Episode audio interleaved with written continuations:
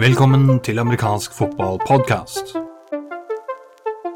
I denne episoden skal vi se nærmere på European League of Football og noen regelendringer som gjelder wedge og fair catch. Mitt navn er Jarl Magnus Henriksen. Jeg har med meg Georg Svendsen og Einar Bolstad.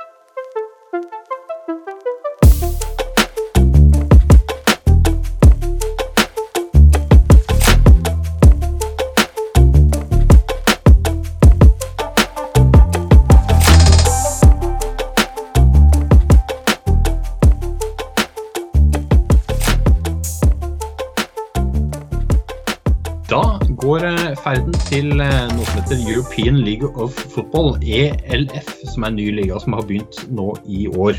Vi har med oss eh, Georg Svendsen. Georg, du har eh, lang fartstid innen norsk-amerikansk fotball, også en eh, feinschmecker når det gjelder å følge med på eh, amerikansk fotball ute i Europa. Kan ikke du fortelle litt eh, hvem du er og hva din eh, bakgrunn er, både med sporten og litt ellers? Ja, jeg er Georg. Eh, Jeg har holdt på med amerikansk fotball i altfor mange år. Først for noe som het Colbotn Kojaks, tilbake når det var tre amerikanske fotballag i Norge. Først som junior, og så som senior, og så ble det etter hvert Oslo Vikings, hvor jeg var så heldig å få lov til å spille sammen med veldig mange gode spillere, og ble norgesmester noen ganger, og spilte litt i Europa. Etter det så har jeg jobbet mye i utlandet, og da har jeg benyttet sjansen til å se på amerikansk fotball i forskjellige land. Blant annet et av høydepunktene mine er kamp mellom bulgarsk amerikansk fotball og serbisk amerikansk fotball. Hvor eh, det var veldig mye styrke, men veldig lite teknikk og taktikk. Fryktelig morsomt, men kanskje ikke helt det nivået jeg hadde forventet. Eh, Så ja, jeg er meget interessert i amerikansk fotball og ser mye på kamper når jeg har mulighet. Ja, som du nevnte, du har også vært litt eh, ute og farta og sett på ting. Et av de lagene som er i eh, ELF, altså ELF er en liga som er startet eh, i, år, startet med en slags intensjon om å, være en slags Europe Light. Dvs. Si de, de drømmer om noe der, og så har de overtatt noen navn. Og de har eh, basert seg mye på noen eh, tyske lag. Er, eh, av åtte lag så er det seks av de som er tyske. Så er det ett som er spansk, Barcelona Dragons. Og så er det ett som er polsk, Wroclaw Panthers. Og det laget, Georg, det har du et forhold til også fra før av. Kan ikke du fortelle litt om, om det? Ja, vår tidligere trener Val han var uh, trener et par år i Wroclaw. Og da dro jeg ned og så på dem spille uh, Europacup. Uh, fryktelig profesjonelt opplegg. Uh, et veldig bra sportsanlegg. godt med sponsorer. veldig godt med mennesker på tribunen. Altså, det var en god del tusen som så kampene. Og det mest profesjonelle jeg har sett, unntatt NFL Europa, i Europa. Eh, Så, så eh, ja, jeg har vært der nede og sett på de spille før EFL startet opp. Og eh, en av de tingene som var spesielt, dette er sånn her eh, 2019, var at alle spillerne som spilte på laget, fikk betalt et eller annet. Og det var et prinsipp for, for at dette her som ikke bare skulle være en hobby, det skulle være en jobb. Så, så de hadde en del sånn grunnfilosofi i forhold til hvordan de skulle bygge opp et lag som skulle bli godt over tid, og som skulle kunne gjøre dette her sånn til en profesjonell idrett i Polen. Ja, og det har de jo på mange vis sett ut eh, som de har lykkes med. De har i hvert fall kommet et steg videre er jo inn i ELF eh, nå, som potensielt kan bli noe profesjonelt over tid. Eh, Hva, hva tenker du om nivået på det du så i 2019, kontra det du ellers har sett eh, både rundt om i Europa og vært med på selv i, i Norge? Eh, altså, det er et godt nivå. Eh, men, men hvis jeg skal se på, på, på EFL-ligaen i dag, Mm. eh, så vil jeg vel si at, at uh, hovedproblemet til ligaen er at det er for stor forskjell på kvaliteten på lagene i ligaen. Og det er vel kanskje et sånt hovedpoeng at, at du er nødt til å ha et bedre totalnivå på ligaen og mye mer spenning i kampene for, for, for at du skal kunne trekke i hvert fall nok video views da, på, på, på kampene til at, at det blir verdt, verdt pengene. Hvis du ser på Nå hopper jeg litt inn til kostnader osv., men hvis du ser på et GamePass for, for, for ligaen i dag, så er det 99 euro. Og når du sammenligner det f.eks. Med, med hva du får på, på college eller på, på NFL, så er jo det latterlig dyrt for det nivået du ser på. Det, det tror jeg vil være et problem hvis ikke nivået øker over tid. Og hvis det ikke blir ekspansjoner av lag. Ja, da er vi inne på på også, altså Du nevnte det økonomiske her, men, men sammenhengen med at det som gjør det dyrt, da, er jo nettopp nivået på det du ser. Og Da har vi kommet inn i første sesongen. Har, du, du, har, observert en del rundt det du har sett med lagene. Du nevner at det er stor forskjell mellom de beste, og da kanskje ned til neste nivå. Hvis du skal oppsummere det du har sett hittil, nå har vi kommet et godt stykke inn i sesongen, hva tenker du da? Jeg tenker at den, De to første ukene så var det tydelig at Wroclaw og, og eh, Hamburg eh, hadde bygd opp lag rundt en, en, stamme, hadde mer samspill når de begynte. Og så hadde du et, et Frankfurt Galaxy som, som eh, er et meget, meget godt lag. Nå ser det ut som om flere andre lag har funnet frem til noe samspill, så det blir litt spennende å se hvordan det går fremover. Men, men så har du noen lag, altså jeg har vel sagt til deg tidligere Jarle, at jeg tror barene åpne i Barcelona. Det, det, er de. Og det er desidert det dårligste laget i ligaen, syns jeg. Eh, masse helt Altså det er en del gode helt enkeltprestasjoner fra enkeltspillere. Sånn at du har noen sånne lange pasninger og super mottak en sjelden gang, men ikke noe samspill i laget. Og det, det, det tror jeg også at, at er pga. måten laget har blitt bygd opp på. Dette stemmer eh, godt overens med det vi observerte også før sesongstart, at eh, noen av lagene var eh, mer eller mindre shanghaiet fra andre klubblag i nærheten. Og de, samt at Wroklav kunne gå inn mer eller mindre med et lag klart. Mens enkelte andre har på en måte vært en potpurri, en samling av spillere fra rundt omkring. Eh, og det ser ut til å vise igjen hittil. Tenker du at samspillet over tid vil gjøre at den forskjellen minsker, eller vil det bare holde den fordelen ut denne sesongen her? Hva tror du om det? Jeg håper at forskjellen minker, men det er et håp, det er ikke en tro. Jeg tror at gjennom sesongen så vil det være som det er nå. Du har tre gode lag i, i Frankfurt, i Hamburg og i Wroclaw. Så har du et mellomsjikte, og så har du eh, et, et sisteplasslag. Det er åtte lag totalt. Mm. Og Det betyr med andre ord at uh, vi har Hamburg, uh, Wroclaw og Frankfurt i, i den toppgruppa. Uh, så har vi Berlin uh, Thunder, Leipzig Kings, hvor det er norsk representasjon med tre spillere der. Cologne Centurions og Stuttgart Surge. Og så har du da de som er litt for mye på stranden, kanskje, og ikke minst har et, et land å bygge Altså, Barcelona Dragons består av noen gode spillere, men de har også måttet bygge på langt mindre talent totalt sett, kanskje, enn en del av de andre lagene som kommer fra land som er større innen amerikansk fotball. Georg, eh, hvis du skulle sammenlignet disse lagene og ligaen for så vidt med, med det, du, det, du, tror om nivået ellers i Europa, hvor havner disse lagene der? Havner de helt i toppen? Havner de midt på tre? Hva, hva tenker du om det? Eh, de er i toppen. Jeg vil si at i hvert fall de tre beste lagene er helt i toppen. Men etter det er jeg mer usikker. Eh, altså, da har du den vanlige tyske ligaen hvor det fortsatt er fryktelig mye talent. Du har fransk fotball som har fortsatt noe spennende. Du har noe britisk fotball. Eh, du har svenskene også, som, som, innimellom kan gjøre det veldig bra. De tre beste lagene tror jeg nok at er i hvert fall alle tre en topp seks-nivå eh, i Europa. Men etter det så er jeg mer usikker på hvor er det de blir plassert. Ja, eh, så hvis, uh, Georg, hvis uh, Hamburg Sea Devils, Frankfurt Galaxy, Wroclaw Panthers. Og så tør jeg tippe på, eh, og her kan vi diskutere litt, eh, Svarko Raiders og Vienna Vikings fra ja. Østerrike og Schwebers Hall Unicorns fra Tyskland. Ville vil det vært din topp seks, eller er det noen andre som hører hjemme der? Jeg sa fransk fotball, ja. og det kastet jeg vel inn litt, men det er mindre fast hvem det er som er supergod. Så rett og slett fordi det er sånn, så er det så mye spillere å ta av. Og det er, det er ganske godt nivå på, på, på lagene. Mm. Men uh, vil jeg si at uh, hvis vi tar Barcelona Dragons, som er det dårligste laget i, i ligaen hittil, det, det, viser seg resultatmessig. Og uh, ja, med et litt trent øye så kan nok de fleste observere det også, vil jeg tro. Men hvis du skulle sammenligne det du ser der, med det du har opplevd å se i f.eks. Norge og Sverige, hva tenker du, hvordan hadde de plassert seg der? Har du noe anelse om det? Jeg tror det ville vært ganske jevn match, hvis du ser på, på Sverige. Mm. Eh, og så har du når Norge er gode, altså når det er gode norske lag. Eh, når, når, enten Oslo Vikings, Eidsvoll eller eh, får, får ta med Vålerenga òg, eh, når de virkelig er gode, så, så, så vil de kunne spille jevnt med veldig mye. Så det er et stykke opp, men Hvis du ser på antall spillere som har spilt veldig lenge på Barcelona nå, i og med at de har dratt inn en god del ikke-spanjoler på laget jeg, jeg, tror at svenskene f.eks. nå kunne ha spilt jevnt med, med, med, med, et Barcelona. Det, det tror jeg.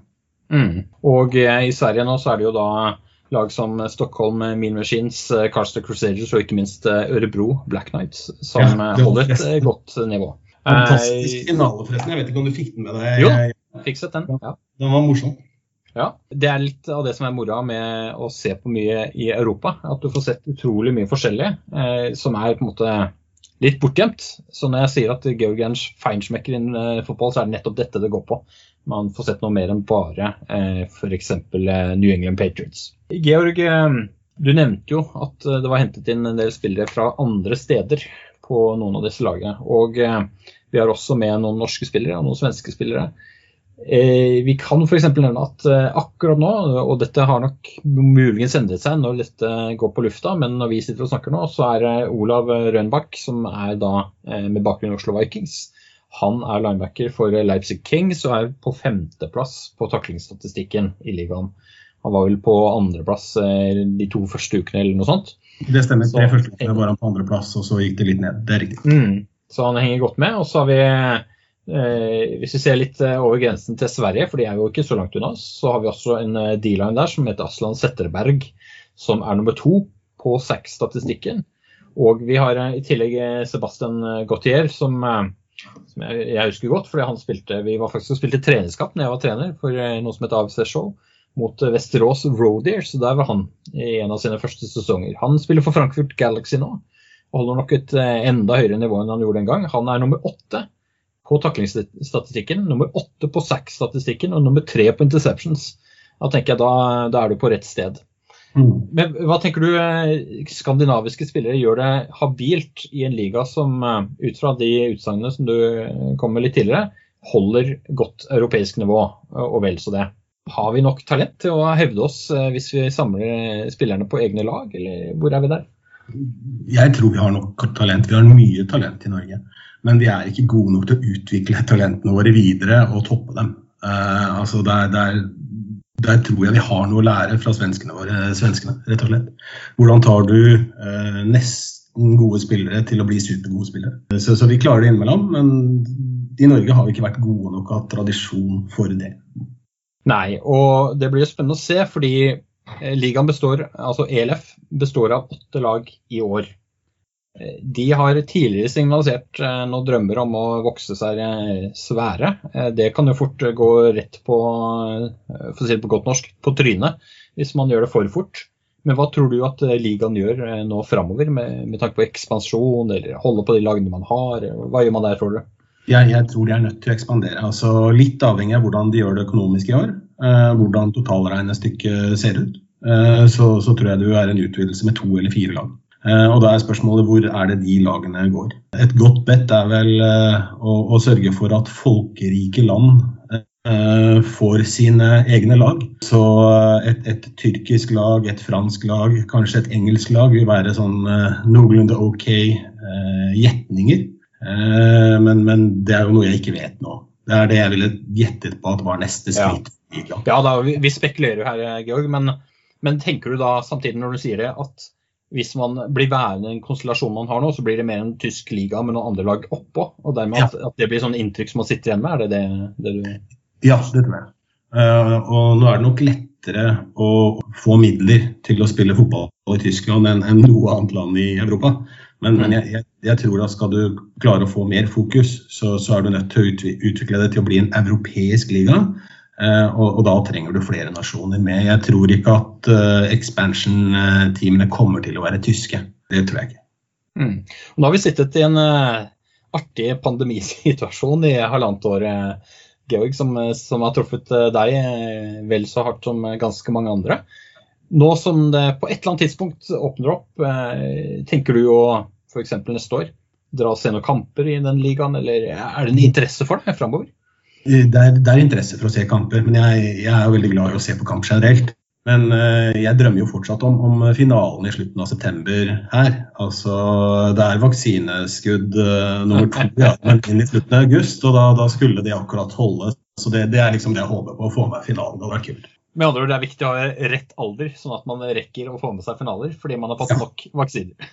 Det, rett og slett. Eller, eller, bo i et utsatt nok område. Men det ja. ja, men det er bra, Georg. Avslutningsvis, er det noe mer du vil si rundt ELF og, og hva du opplever der? Jeg, jeg kunne godt tenke meg å Eller jeg, jeg syns det er viktig å si at, at, de internasjonale spillerne, altså ikke amerikanerne, men de internasjonale spillerne som kommer inn, de europeiske spillerne som kommer inn, mm. klarer å markere seg, gjør det godt. Eh, kanskje spesifikt på defense, da, men eh, hvis du ser på Rønneberg f.eks., så har han fått nok tid på banen. Eh, det er ikke nødvendigvis positivt som, som, eh, som defense-spiller, men de, de, klarer å markere seg jeg tror at det er viktig skal vi bygge sporten fremover. At det er en del europeiske profiler, og at det ikke blir sånn som det var under NFL-europaperioden, hvor det var hele amerikanske lag som kom inn, men tre-fire europeiske spillere. Så det, det, tror jeg at det er viktig.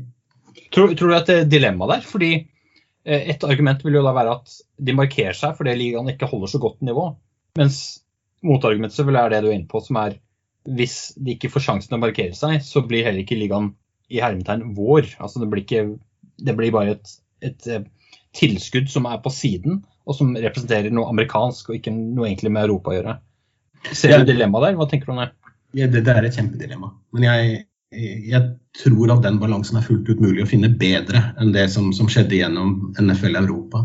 Og Litt av problemstillingen i NFL Europa også var jo at interessen var veldig høy til å begynne med, og så ble den veldig dalende. Jeg husker de siste kampene jeg var og så på der, sånn, så var det halvfulle eh, stadioner. Eh, å dra ned og se på en, en kamp i Amsterdam med, med hva var det for 8000 tilskuere på, på, siste kampen der, det, det, er ikke levedyktig for, for, noe som satses så stort på, på så mange importspillere. Så, så jeg, jeg, tror den balansen er lettere, sånn som eh, European League of Football har, har uh, satset på. Det. Og Det blir spennende å se, for ligaen den holder det gående. Det var ikke alle som trodde de kom til å komme til start, undertegnede inkludert. Men det har de greid, og ikke minst har de greid å skape noe som er verdt å ta en kikk på. Det er ikke alltid hvert eneste øyeblikk er det, men totaliteten er spennende. Ja. Må nevne en siste ting der, Jarle. Ja. det er single game er faktisk mulig å kjøpe. Mm. Så det, det, kan kanskje være verdt de 40 kronene det koster å faktisk se en hel kamp. Eh, sånn at du får eh, inntrykk av eh, hvordan er nivået, og ikke minst hvordan er kommentatorene. Det har vi ikke snakket om, Jarle, men det er et poeng for seg selv. Fortell litt om det, Georg. Fortell litt om det. det er mye fantastiske kommentatorer som ikke helt veit hva de kommenterer. Det, altså, når det er på engelsk. Jeg tror de tyske kommentatorene er, er riktig gode, men noen av de engelske kommentatorene har det er tydelig at de ikke har kommentert så mye amerikansk fotball før, og det har vært litt underholdende. Sist var eh, Barcelona-kampen, hvor det plutselig midt under kampen kommer et utbrudd fra kommentatoren om at 'we got the kicker', eh, sånn litt uten at det egentlig passet inn i det hele tatt. Og det, ja, eh, jeg, har fått noen sånne latterutbrudd under, under kamper. Veldig bra. Eh, og det, ikke minst er det bra eh, når man tar den vinklingen på det. Det er jo noen som kunne sagt at dette er jo bare tull, det vil jeg ikke se på. Eh, men når man har en feilsmekker-attitude til det hele, så blir det moro å se på. Og ikke minst ta med den oppfordringen som Georg kom med her, som er at man kan kanskje kjøpe en kamp, ta en kikk og få et eget inntrykk av hva dette er. Georg Svendsen, tusen takk for at du var med oss. Takk skal du ha, Georg. Hva er frispark i amerikansk fotball, og hva har wedge og fair catch med det å gjøre? Det skal Einar Bolstad fortelle oss mer om nå.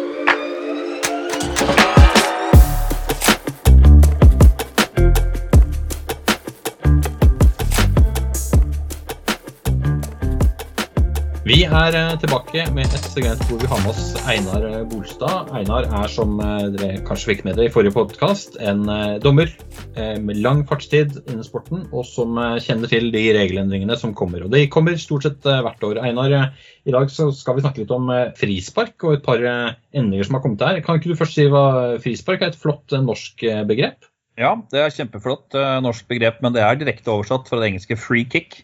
Så det, det, er ikke noe vi har funnet på selv. Så det er sikkert ukjent for mange at vi faktisk har free kicks i amerikansk fotball. Men som, en, som mye i regelboka så, så, refereres det gjerne til på andre måter uh, der ute, for å si det sånn. Så om du hører ordet frispark i amerikansk fotball, og så tenker du kickoff, da er du det, det funker. Det funker, det er greit. Det jeg, er- bare får vi ta en liten avsporing på det eh, før vi går inn på disse regelendringene som vi snakker om her. Er det sånn at hvis eh, du dømmer, dømmer i Norge, så er det en haug med norsk terminologi som du må forholde deg til, og så blir noen sure hvis du sier det på engelsk, eller hva, hvordan er det? Eh, Hvor sure de blir, det Jeg vet ikke hva jeg skal diskutere eller snakke høyt om. Men ja, det er det. Det, er, det kommer jo fra at vi bestemte en gang for lenge, lenge, lenge siden at vi skulle annonsere regelbruddene på norsk. For ideen var vel, og det kan sikkert folk ha forskjellige meninger om, men tanken var jo at det skulle være litt mer tilgjengelig for, eh, for folk som kanskje ikke allerede var hjemme i amerikansk fotball. Eh, Om det er oppnådd eller ikke, det, det skal ikke jeg svare på egentlig, men eh, det, er i hvert fall der det kommer fra. Så eh, det annonseres, altså når jeg sier annonseres, det er jo når hoveddommer skrur på mikrofonen og sier dette var det som skjedde. Det annonseres på norsk, og uh, vår kamprapport, der vi rapporterer allting, den er norsk. Så ja, som dommer så må du kunne begge deler, men det er jo veldig ofte Altså, de fleste regelbrudd er, er veldig enkle å skjønne hva man prater om, også med norsk terminologi.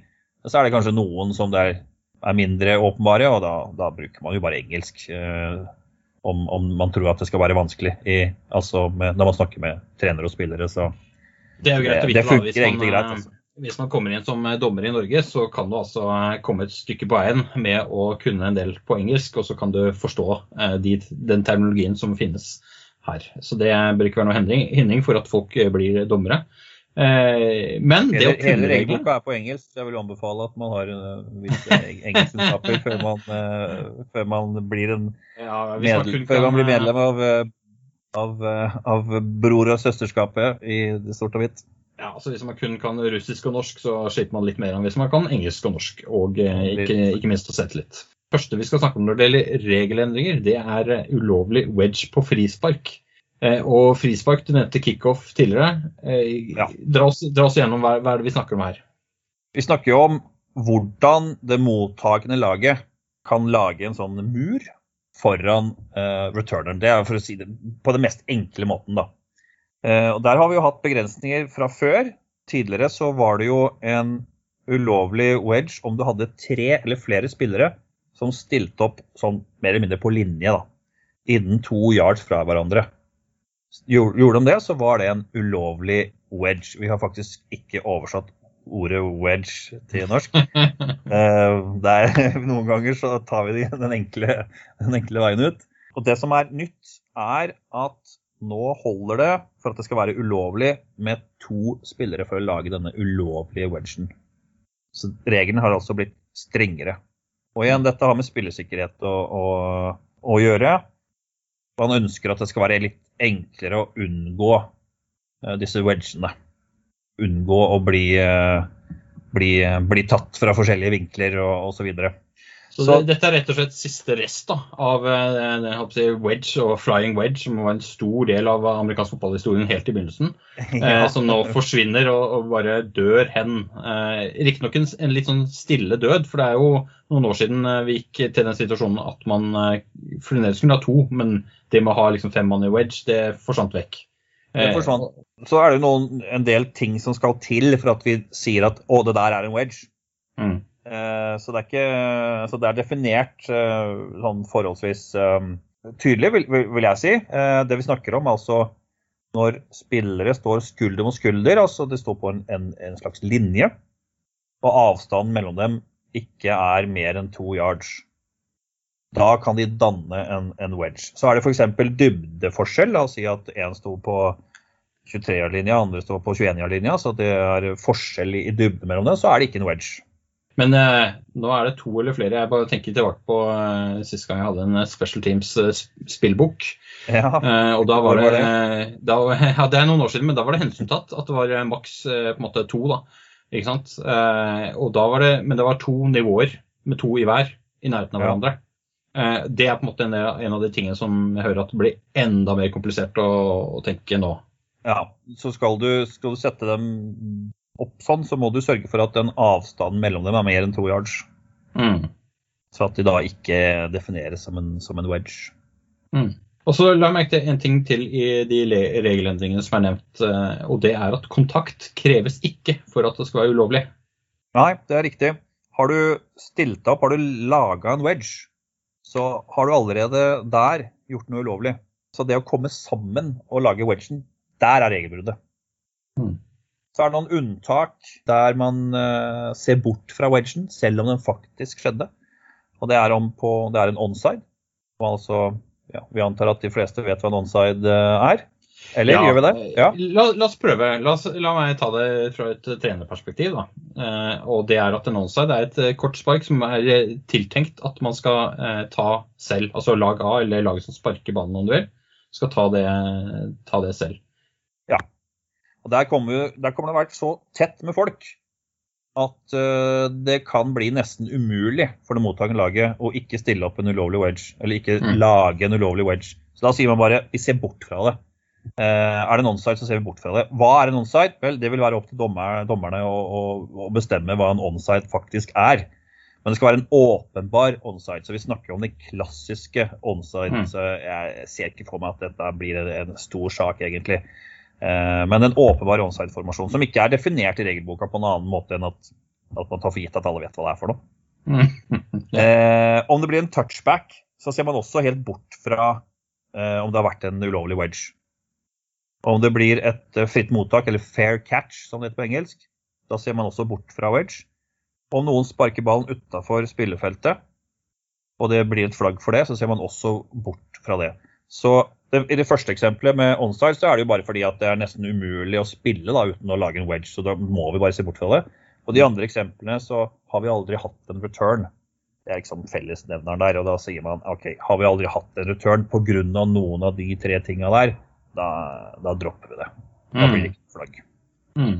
Og en annen ting som er veldig viktig å, å, å vite, det er La oss si at du, du har eh, sparket går, og returen går, og så kommer det en eh, spiller på det mottakerlaget og begynner å blokke en motstander.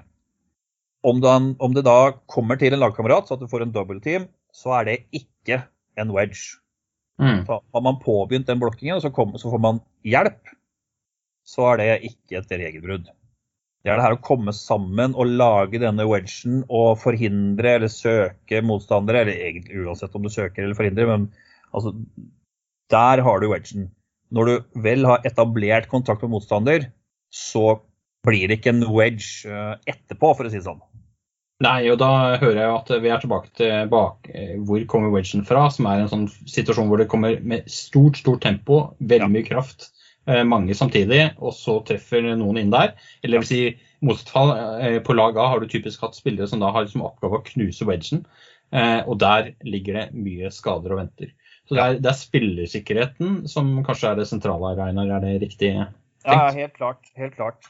Det har jo, jeg tror alle som følger litt sånn, har et interesse for hvordan sporten utvikler seg, har jo fått med seg at man har jo diskutert å, bare kvitte seg med hele frisparket. Altså free kick, kickoff, bare ut med hele kickoff. Det hadde jeg syntes var ganske trist. Så det her er jo du kan, du kan, si at dette er et ledd i eh, å komme seg vekk fra eh, å måtte gjøre det.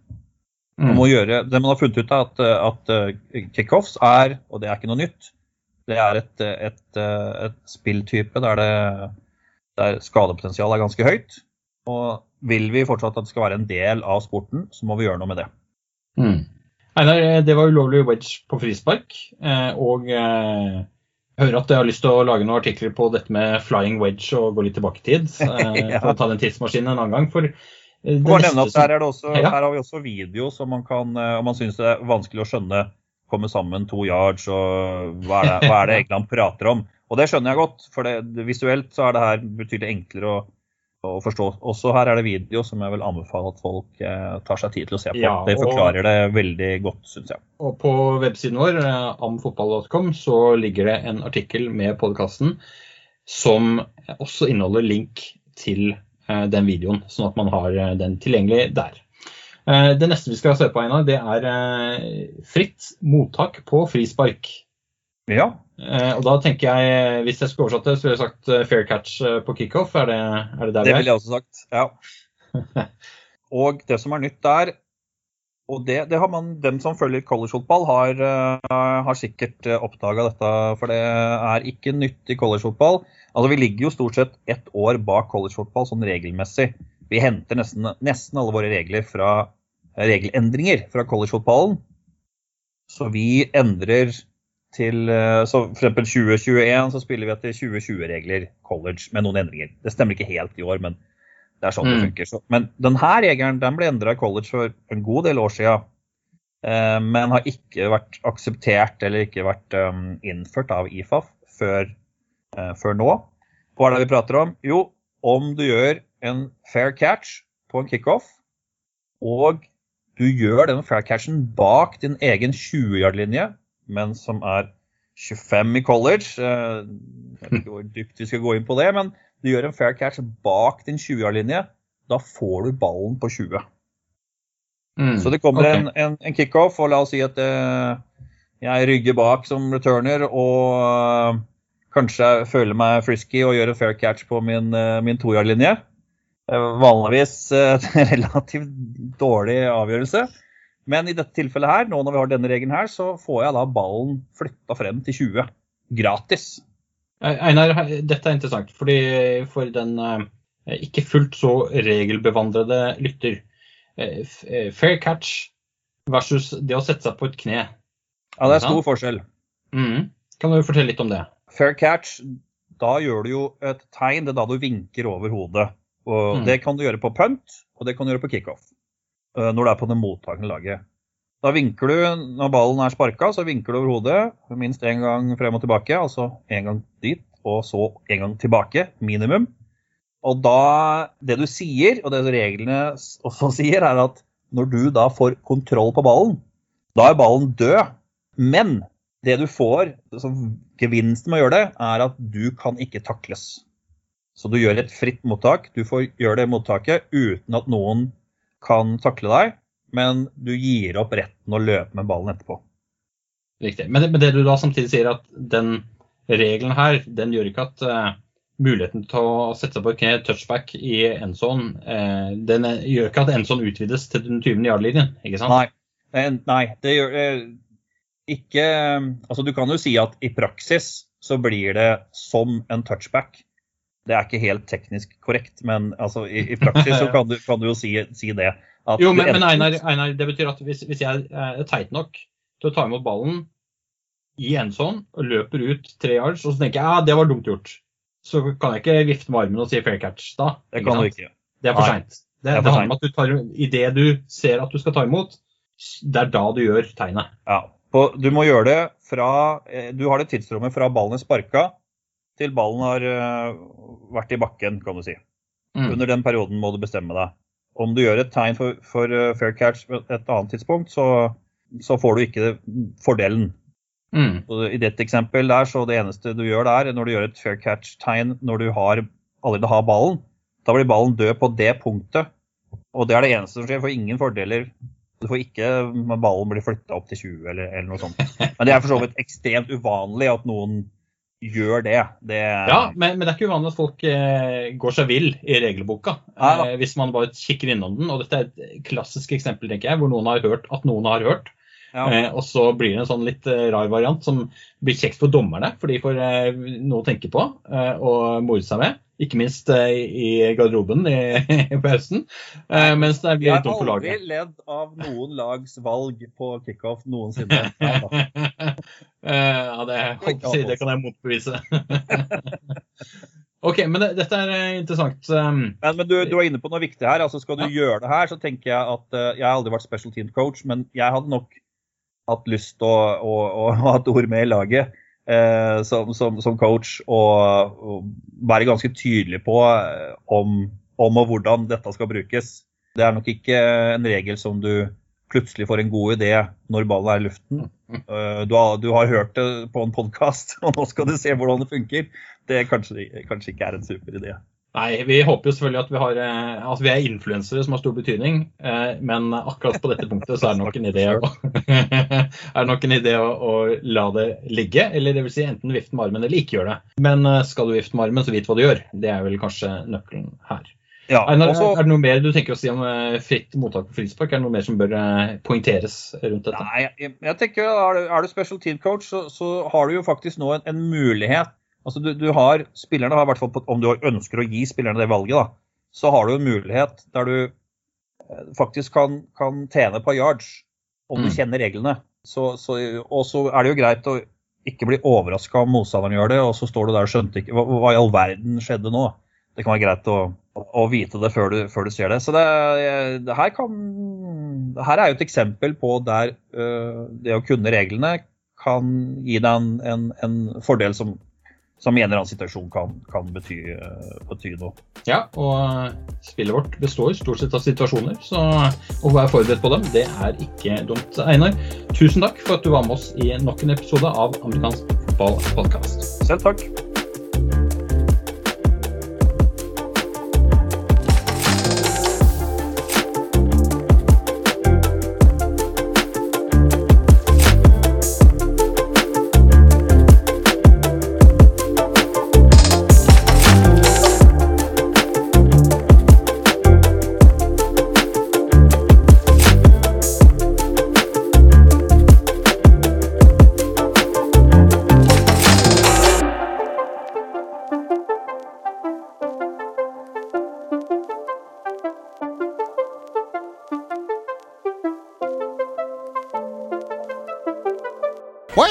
English people call it football if they play it with a soccer ball?